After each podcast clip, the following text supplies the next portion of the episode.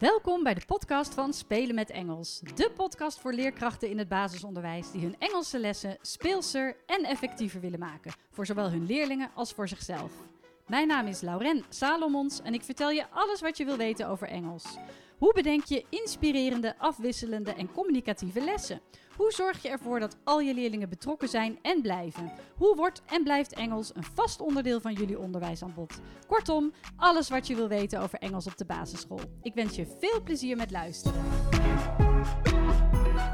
Hallo, leuk dat je luistert naar deze vierde aflevering van de podcast van Spelen met Engels. In deze aflevering ga ik het hebben over het verschil tussen weten en kunnen. Dus gaan we Engels aanleren als kennis of gaan we Engels aanleren als vaardigheid? Nou, degene die mij al een beetje kennen, weet het antwoord al op deze vraag. Maar goed, mocht je nog nooit de studiedag van mij hebben gevolgd, uh, geen social media van mij hebben gezien of, uh, of op mijn website zijn geweest, dan heb je geen idee wat, er nu, wat ik nu ga vertellen. Dus ik zou zeggen, pen in de aanslag of gewoon lekker blijven wandelen of wat je ook aan het doen bent. En luisteren maar. Kijken wat, wat jij na het luisteren van deze podcast, ben ik heel benieuwd wat jouw mening hierover is. Goed, het verschil dus tussen weten en kunnen. Um, uh, nou, ik, ik, kom natuurlijk heel veel leerkrachten tegen in, um, als ik studiedagen geef. En een groot aantal van die leerkrachten, in het basisonderwijs heb ik het dan natuurlijk over, geeft Engels um, aan hun leerlingen op de manier zoals ze zelf Engels hebben gehad op de middelbare school. Nou, dat is natuurlijk heel logisch, want dat is de manier die je kent. En dan kun je ook op die manier uit eigen ervaring putten. Nou, ik weet niet hoe het met jou zit, hoe jij Engels hebt gehad op de middelbare school. Um, mijn ervaring was dat het vooral woordjes stampen was, grammatica-regels uit je hoofd leren, af en toe een luisteropdracht doen, boekjes lezen. En dat was het dan wel zo'n zo'n beetje. Um, ik las dan die boekjes trouwens ook wel echt. Dan had je natuurlijk ook de mensen die de samenvattingen lazen, zoals mijn man bijvoorbeeld en mijn kinderen. Maar ik las die boeken dan echt, zo was ik. But anyway, Um, dat was de manier waarop je Engels kreeg. En eigenlijk werd er amper Engels gesproken in de klas. Zowel door de leerlingen als door de leerkracht, vond ik. Ook de leerkracht sprak niet uh, continu Engels. En ja, dan, dan, blijft in, dan blijft Engels dus ook echt kennis. Dus ik wist heel veel over de Engelse taal. Nou was ik toevallig ook best wel goed in Engels. Maar dan zijn er ook heel veel leerkrachten die op die manier Engels hebben gehad. En dus eigenlijk ja, best wel goed weten uh, best wel veel woordjes kennen en best wel goed weten wat de grammatica-regels zijn. Maar ja, is dat dan ook de manier om echt een vreemde taal te leren? Want um, die manier van lesgeven die op de middelbare school vaak werd gebruikt en soms nog steeds wordt toegepast, is dus kennisoverdracht. Woordjes leren en grammatica-regels leren. Um, als je op die manier ook les gaat geven op de basisschool aan jouw leerlingen, moet je je afvragen: sluit dat eigenlijk wel aan bij de kerndoelen van Engels op de basisschool? En sluit het überhaupt wel aan bij de manier waarop wij Engels uh, willen geven en bij onze visie? Ik heb natuurlijk in een eerdere aflevering gehad over wat is jouw visie, hè, jullie visie op, op, op Engels in, op jullie school en wat is het doel um, qua wat willen de leerlingen aan het eind van groep 8? Wat kunnen ze aan het eind van groep 8? Dus als jij vervolgens um, heel veel woordjes gaat vragen en grammatica-regels gaat aanleren, moet je je afvragen: past dat wel bij ons einddoel? Nou, um, het antwoord op die vraag is natuurlijk nee. Het belangrijkste doel van Engels op de basisschool is het vrij durven communiceren in alledaagse situaties over onderwerpen die dicht bij je belevingswereld liggen. Dat is wat kinderen moeten kunnen als ze groep 8 verlaten dat ze durven, kun, durven praten in het Engels over hun hobby's, over familie, vakantie. Uh, dat ze een gesprekje kunnen voeren bij de bakker, uh, over hun school. Nou, noem maar op. Um, nergens wordt genoemd dat woorden en zinnen foutloos moeten worden uitgesproken. Nergens wordt genoemd dat woorden en zinnen foutloos moeten worden opgeschreven. Dus dat de spelling perfect moet zijn.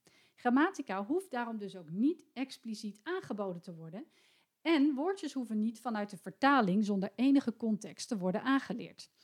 Eigenlijk is het zo dat de Engelse taal tegenwoordig wordt gezien als een manier om te communiceren. En niet als een vak dat bestudeerd moet worden.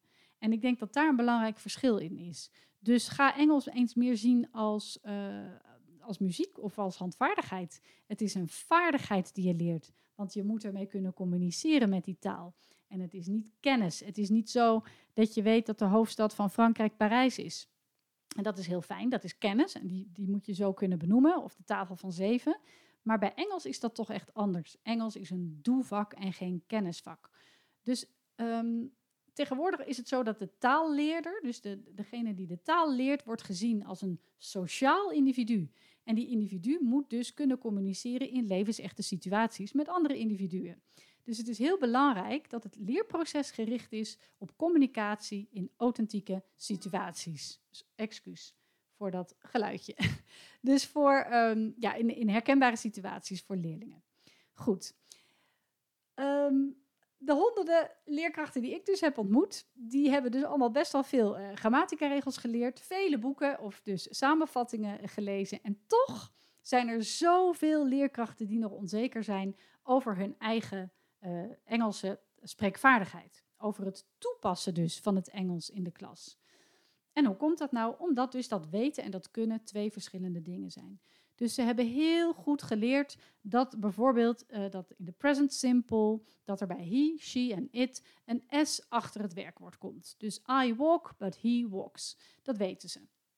Um, en dat kunnen ze ook bijvoorbeeld toepassen als ze een schriftelijke opdracht krijgen met tien van die uh, zinnetjes waarvan dan een plekje leeg is gelaten. Oh, dan weten ze, oh daar bij I geen S, bij he wel een S, bij she wel een S. Tien, hop, tien zinnen af, je, dat heb ik weer goed gedaan. Dat kun je bijna foutloos doen. Maar dat wil nog niet zeggen dat je dat ook vervolgens kunt toepassen in een gesprek. Dat is het lastige. En datzelfde geldt natuurlijk uiteraard voor andere gebieden als je het gaat zien als een vaardigheid. Uh, bijvoorbeeld fietsen. Kijk, je ziet als kind echt wel dat iedereen met die voeten op die trapper staat en dat je dan die trappers moet laten ronddraaien om te kunnen fietsen. En dat je dan ook nog moet sturen en zo. Maar dat betekent niet dat je het ook direct kunt. En als je bijvoorbeeld kijkt naar tennis, dan weet je wel dat die bal over het net moet en dat het binnen de lijnen moet. Hè? Als, je, als je tennis, je binnen de lijnen moet slaan. Maar dat betekent nog niet dat je het gelijk in één keer kunt. Dat kun je pas. Je kan pas fietsen of je kan pas tennissen of al die andere vaardigheden die je hebt geleerd. Dat kun je pas door te oefenen. Oefenen, oefenen, oefenen. Het heeft geen nut om eindeloos de theorie te herhalen als je het vervolgens niet gaat oefenen in de praktijk. Dus je kunt een kind wel uh, uh, vijf plaatjes geven van, ja kijk, je moet je voeten op de trapper zetten, dan moet je rond gaan draaien en ga dit papiertje maar eens goed bestuderen en dan kun je het op een gegeven moment vanzelf wel. Ja, zo werkt dat niet. Nou ja, nou, dat weet ik trouwens niet. Misschien zijn er wel kinderen die dan dat zien en dan in één keer op zo'n fiets wegstappen en kunnen. Die zijn er vast wel. Maar over het algemeen gaan kinderen daarmee oefenen en dan pas kunnen ze het. En dat geldt dus ook voor Engels. Ga het eens zien als een vaardigheid. Je leert een taal niet te spreken door losse woordjes te gaan vertalen of door de juiste grammatica-regels toe te passen in 30 dezelfde soort zinnen. Um, ik, ik, ik, ken wel een heleboel leerkrachten die in, in de midden- en bovenbouw die kinderen woordenlijsten meegeven, omdat dat nou eenmaal in de methode staat. Of omdat dat nou eenmaal, ja, dat doen ze nou eenmaal. Je geeft ze woorden mee, die leren ze en de volgende dag krijgen ze daar een toetsje over. Maar ga nou eens bedenken waarom je die woordenlijsten meegeeft. Wat is het doel daarvan? Wat is jouw doel bij het geven van die woordenlijsten? Sluit dat aan bij de doelen die je hebt gesteld als school voor Engels, op, uh, voor Engels voor leerlingen uh, van aan het eind van groep 8. Um, ehm, ik kan me bijvoorbeeld voorstellen dat je in groep 8 wel wat woordenlijsten meegeeft, vertalend leren, om kinderen alvast te laten wennen aan de brugklas, waarin ze Engels krijgen, Frans krijgen en waarin ze inderdaad van die lappen, van die rijen woorden krijgen, waarin ze puur vertalend moeten leren zonder enige context. Maar heeft het ook nut om dat in groep 5 of 6 te doen? Het heeft nut als je het korte termijn geheugen wil uh, toetsen. En um, als jij als doel hebt dat kinderen een 10 of een 8 halen voor die woordjes. Dus ze leren dat, de volgende dag geef je een toets en waarschijnlijk zit dat zo goed in het korte termijn geheugen. Yes, dat kunnen ze zo opschrijven. Hier en daar misschien een spelfoutje, maar holla die. Ja, weer een 8. Goh, wat zijn jullie hier goed in? Maar kunnen die leerlingen die woordjes ook daadwerkelijk toepassen één of twee weken later of een maand later? Hebben ze gezien hoe die woordjes worden toegepast in een context? Dat is waarschijnlijk niet het geval. En juist het toepassen van de taal in communicatieve situaties, dat wil je juist zo graag. Want Engels is een vaardigheid. Kinderen zijn sociale individuen die moeten praten met andere individuen in het Engels. Dus wat je beter kunt doen als je dan toch die woordjes wilt toetsen, geef ze bijvoorbeeld de woordjes mee met een plaatje erbij, dus zonder Nederlandse vertaling, maar met een plaatje. Of voor, uh, voor bovenbouw met een, een, een context eromheen, dus een zinnetje. Uh, bijvoorbeeld, um, my scissors are in my pencil case. Nou, dat is logisch. Or with my scissors I can cut this paper. Dan heb je een context waarin de scissors worden gebruikt. En dan kun je in de toets bijvoorbeeld uh, het woordje scissors weglaten, een lege plek houden. En dan moeten kinderen die context lezen. Oh ja, scissors, uh, cutting paper of in my pencil case. Wat kan er al in, allemaal in mijn pencil case? Oh, scissors. En dan kun je ervoor kiezen dat, je, dat ze dat woordje nog ergens zien staan. Of dat ze het plaatje ervan zien staan. Of dat, dat ze het gewoon uit hun hoofd moeten kunnen. En op die manier um, zijn ze veel communicatiever bezig. Worden de woorden toegepast in een communicatieve context en zal het dus ook veel beter beklijven, want er zit veel meer logica in dan alleen maar los een vertaling. Nou, um, dat, dat is dus even, uh, als je dan toch woordjes wil gaan, uh, gaan opgeven, probeer dat dan zoveel mogelijk in een communicatieve context te doen. Eventueel met plaatjes, maar niet door puur vertalen te leren. Dat heeft op korte termijn effect, maar op de lange termijn absoluut niet. Nou, hoe kun je die taal nou leren spreken? Dat is eigenlijk dus vooral door te doen. En spel is hier in het basisonderwijs een handig hulpmiddel bij. Nou, bijvoorbeeld met behulp van flashcards. Uh, als je me een beetje kent, weet je dat ik een groot fan ben van flashcards. Want er zijn zoveel werkvormen die je kunt doen om op deze manier Engelse woordjes te leren zonder dat er een Nederlandse vertaling uh, aan te pas komt. En die flashcards doe je vaak binnen een bepaald thema. En dat thema sluit aan bij de belevingswereld van kinderen. En door dat te gaan verwerken en herhalen in diverse spellen en rollenspellen, gaan kinderen met veel meer plezier Engels leren. En dus, als je iets met plezier leert, ja, dan wordt het natuurlijk ook beter onthouden. Dus uh, ga eens kijken, bijvoorbeeld op de site van Spelen met Engels naar flashcards. Uh, daar vind je ook het boek Flashcard Fun, uh, met 50 werkvormen die je kunt doen. Maar sowieso op internet zijn er natuurlijk veel flashcards te vinden. Maar ook um, bijvoorbeeld bij het kijken en luisteren van liedjes. Laat leerlingen niet per se stilzitten. Laat ze lekker bewegen. Laat ze de gebaren nadoen die jij bijvoorbeeld hebt verzonnen bij bepaalde woorden of die in een videoclip voorkomen. Op die manier gaan ze met de woordjes uit het liedje of filmpje aan de slag door middel van bewegen, door middel van spel. Uh, je kunt ook flashcards maken van bepaalde woorden uit een liedje. En dan beklijven de woorden ook weer veel beter dan bij een passieve houding. Dus laat ze actief daarmee bezig zijn. Nou, als je die woorden spelenderwijs en dus in diverse communicatieve contexten hebt aangeboden, dan gaan leerlingen het veel makkelijker toepassen in conversaties. En eerst gebeurt dat nog binnen hele veilige kaders. Uh, je moet dan denken aan zeker in de onderbouw, maar ook nog in de bovenbouw aan chunks, van die korte brokjes taal. Uh, bijvoorbeeld met een, uh, ja, als je de spellen van Spelen met Engels kent, een kwartetspel of een reactiespel, waarin je die chunks hebt als Have you got? Yes, I have. No, I haven't. Uh, what are you wearing? I'm wearing trousers. Um, how do you come to school? I come to school by car. How do you come to school? Dus dat zijn hele veilige kaders waarin ze dan gaan oefenen met die woordjes binnen een context. En als ze daarmee geoefend hebben, kun je eigenlijk leerlingen uiteindelijk veel vrijere opdrachten geven waarin ze hun uh, vaardigheden kunnen toepassen. Want daar gaat het tenslotte om, dat ze het gaan toepassen en dat ze het gaan oefenen. En um, dat benadruk ik ook altijd als ik uh, tijdens, het, tijdens het lesgeven. En dat is ook iets wat ik je zou willen aanraden om ook met jouw leerlingen te bespreken. Um, maak aan je leerlingen duidelijk hoe belangrijk het is om te durven en om te oefenen. Dat het logisch is dat ze fouten maken. Dat het logisch is dat je vier keer van je fiets afvalt en eerst nog met zijwieltjes fietst voordat je überhaupt los kunt fietsen. En hetzelfde geldt voor Engels door achterover te gaan zitten, woordjes te stampen en uh, hopen dat je vervolgens het kan spreken, ja, daarmee ga je geen taal leren. Juist door leerlingen die veilige omgeving te bieden, door ze te laten zien, je mag fouten maken. Ik als leerkracht maak ook fouten.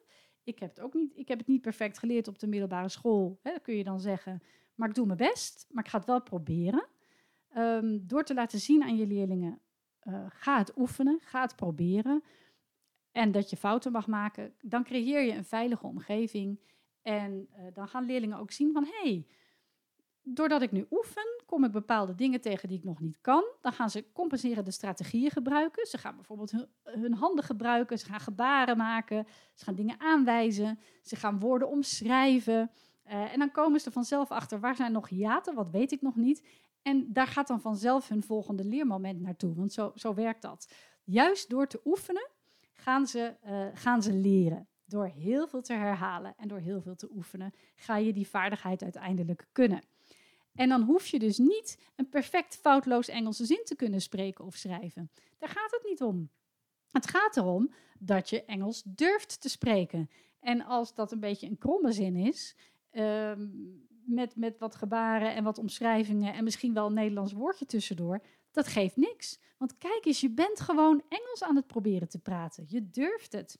En je doet dat over een onderwerp dat dicht ligt bij jouw belevingswereld. En dat is wat je wil bereiken met je leerlingen. Een sfeer waarin niet wordt uitgelachen, uh, waarin niet wordt gezucht als een leerling even wat langer na moet denken, maar waarin je elkaar juist complementeert omdat je uh, Engels durft te praten, omdat je fouten durft te maken.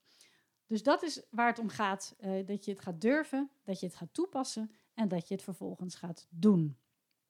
En dat is dus uh, ja, eigenlijk wat ik je wilde vertellen.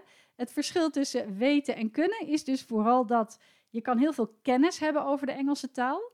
Uh, misschien had je wel een 8 of 9 op je eindlijst, omdat je heel veel kennis had. Maar die kennis zegt nog niks over je vaardigheid. Het zegt nog niks over hoe goed jij dan ook echt Engels in het Engels kunt communiceren. Dus ja, um, je kan Engels dus zien als een, als een theoretisch vak.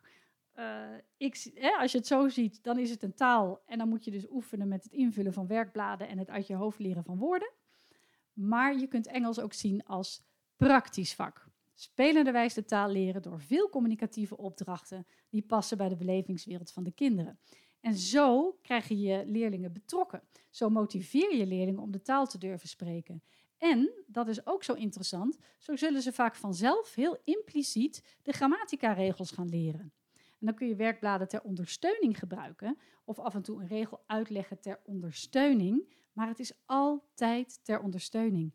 Altijd ten behoeve van de communicatie. Dus grammatica is echt een bijzaak. Um, het gaat er echt om dat ze dat uh, in de praktijk gewoon lekker gaan oefenen, oefenen, oefenen. En uh, op die manier ga je dus ook de woordjes aanbieden in een communicatieve context en niet door vertalend te leren. Nou, ik, ik kan me voorstellen dat dit heel veel vragen oproept. Uh, ja, maar hoe doen we dat dan? Want we toetsen nu op deze manier en um, mijn leerlingen zijn dit of mijn collega's doen dat. En stel ze gerust op info.spelenmetengels.nl, want ik help je graag verder. Maar ik zal ook zeker uh, hier nog eens een, een, volgende podcast aan, aan wijden. Um, ik, ik, wil alleen benadrukken. Dat, weet, oh, en dan wil ik ook nog even zeggen dat wil je hier sowieso meer over weten en hoe je dat dan kan aanpakken, dan kun je natuurlijk altijd nog de online cursus volgen van Spelen met Engels. De eerste die, um, die staat al een poosje online en daar ga ik er uitgebreid op in. En de tweede, daar ben ik nu mee bezig, die zal uh, half 2021 uh, online komen. En ook daar ga ik weer in op die compenserende strategieën en hoe je leerlingen nu aan het spreken kunt krijgen, ook in de onderbouw. Um, maar goed, uh, wil je eerder antwoord en uh, heb je even geen tijd voor die online cursus, dan kun je me altijd even mailen met de vraag, ja maar hoe dan? Of je kan me even bellen, dat is geen probleem, daar help ik je graag bij. Uh, durf als groepsleerkracht je leerlingen lekker te laten spelen met de taal. Het vraagt om flexibiliteit, het vraagt soms om oordopjes, want het zal best wel rumoerig zijn in, in de klas. Maar juist dat die leerlingen met elkaar communiceren in een veilige omgeving, dat is de manier waarop je Engels leert. Dat is echt de manier oefenen, oefenen, oefenen. Ga Engels zien als een vaardigheid en niet als kennis. Goed, dat was wat ik wilde vertellen. Dat was wat ik met je wilde delen. Ik uh, hoop dat je het interessant vond. Uh, mocht dat het geval zijn, dan zou ik het enorm op prijs stellen als jij deze podcast weer deelt met je collega's. Je kunt bijvoorbeeld een screenshot maken en dat dan delen op social media en mij even taggen of spelen met Engels taggen. En uh, je kunt ook een review schrijven, bijvoorbeeld bij iTunes. Dat stel ik enorm op prijs, want hoe meer uh, reviews er zijn, hoe meer uh, collega's deze podcast ook zullen vinden. En hetzelfde geldt natuurlijk voor delen op social media. Dus doe dat gerust, maak je mij heel blij mee. En heb je nog niet naar de derde aflevering geluisterd en is het nog niet 1 februari 2021? Doe dat dan snel nog even, want dan kun je een leuk cadeautje van me krijgen. Ik wil je hartelijk bedanken voor het luisteren en ik spreek je, of je hoort me een volgende keer weer. Doeg! Wat leuk dat je luisterde naar deze podcast. Heb je nog vragen? Bijvoorbeeld over het voorbereiden van een les, het uitvoeren van een werkvorm of over Engels bij jou op school? Of wil je misschien meer weten over de studiedagen, de online cursussen en het lesmateriaal dat Spelen met Engels verzorgt? Je kunt me altijd mailen op info@spelenmetengels.nl. En ook op de website, de Facebookpagina en het Instagram-account vind je enorm veel inspiratie. Het is mijn doel om alle leerkrachten in het basisonderwijs met plezier hun Engelse lessen te laten voorbereiden en te geven. Dus als je deze podcast zou willen delen met collega's of op social media, dan stel ik dat enorm op prijs. En vergeet dan niet spelen met Engels te taggen. Nogmaals bedankt voor het luisteren. Heel veel plezier met je Engelse lessen en tot een volgende keer.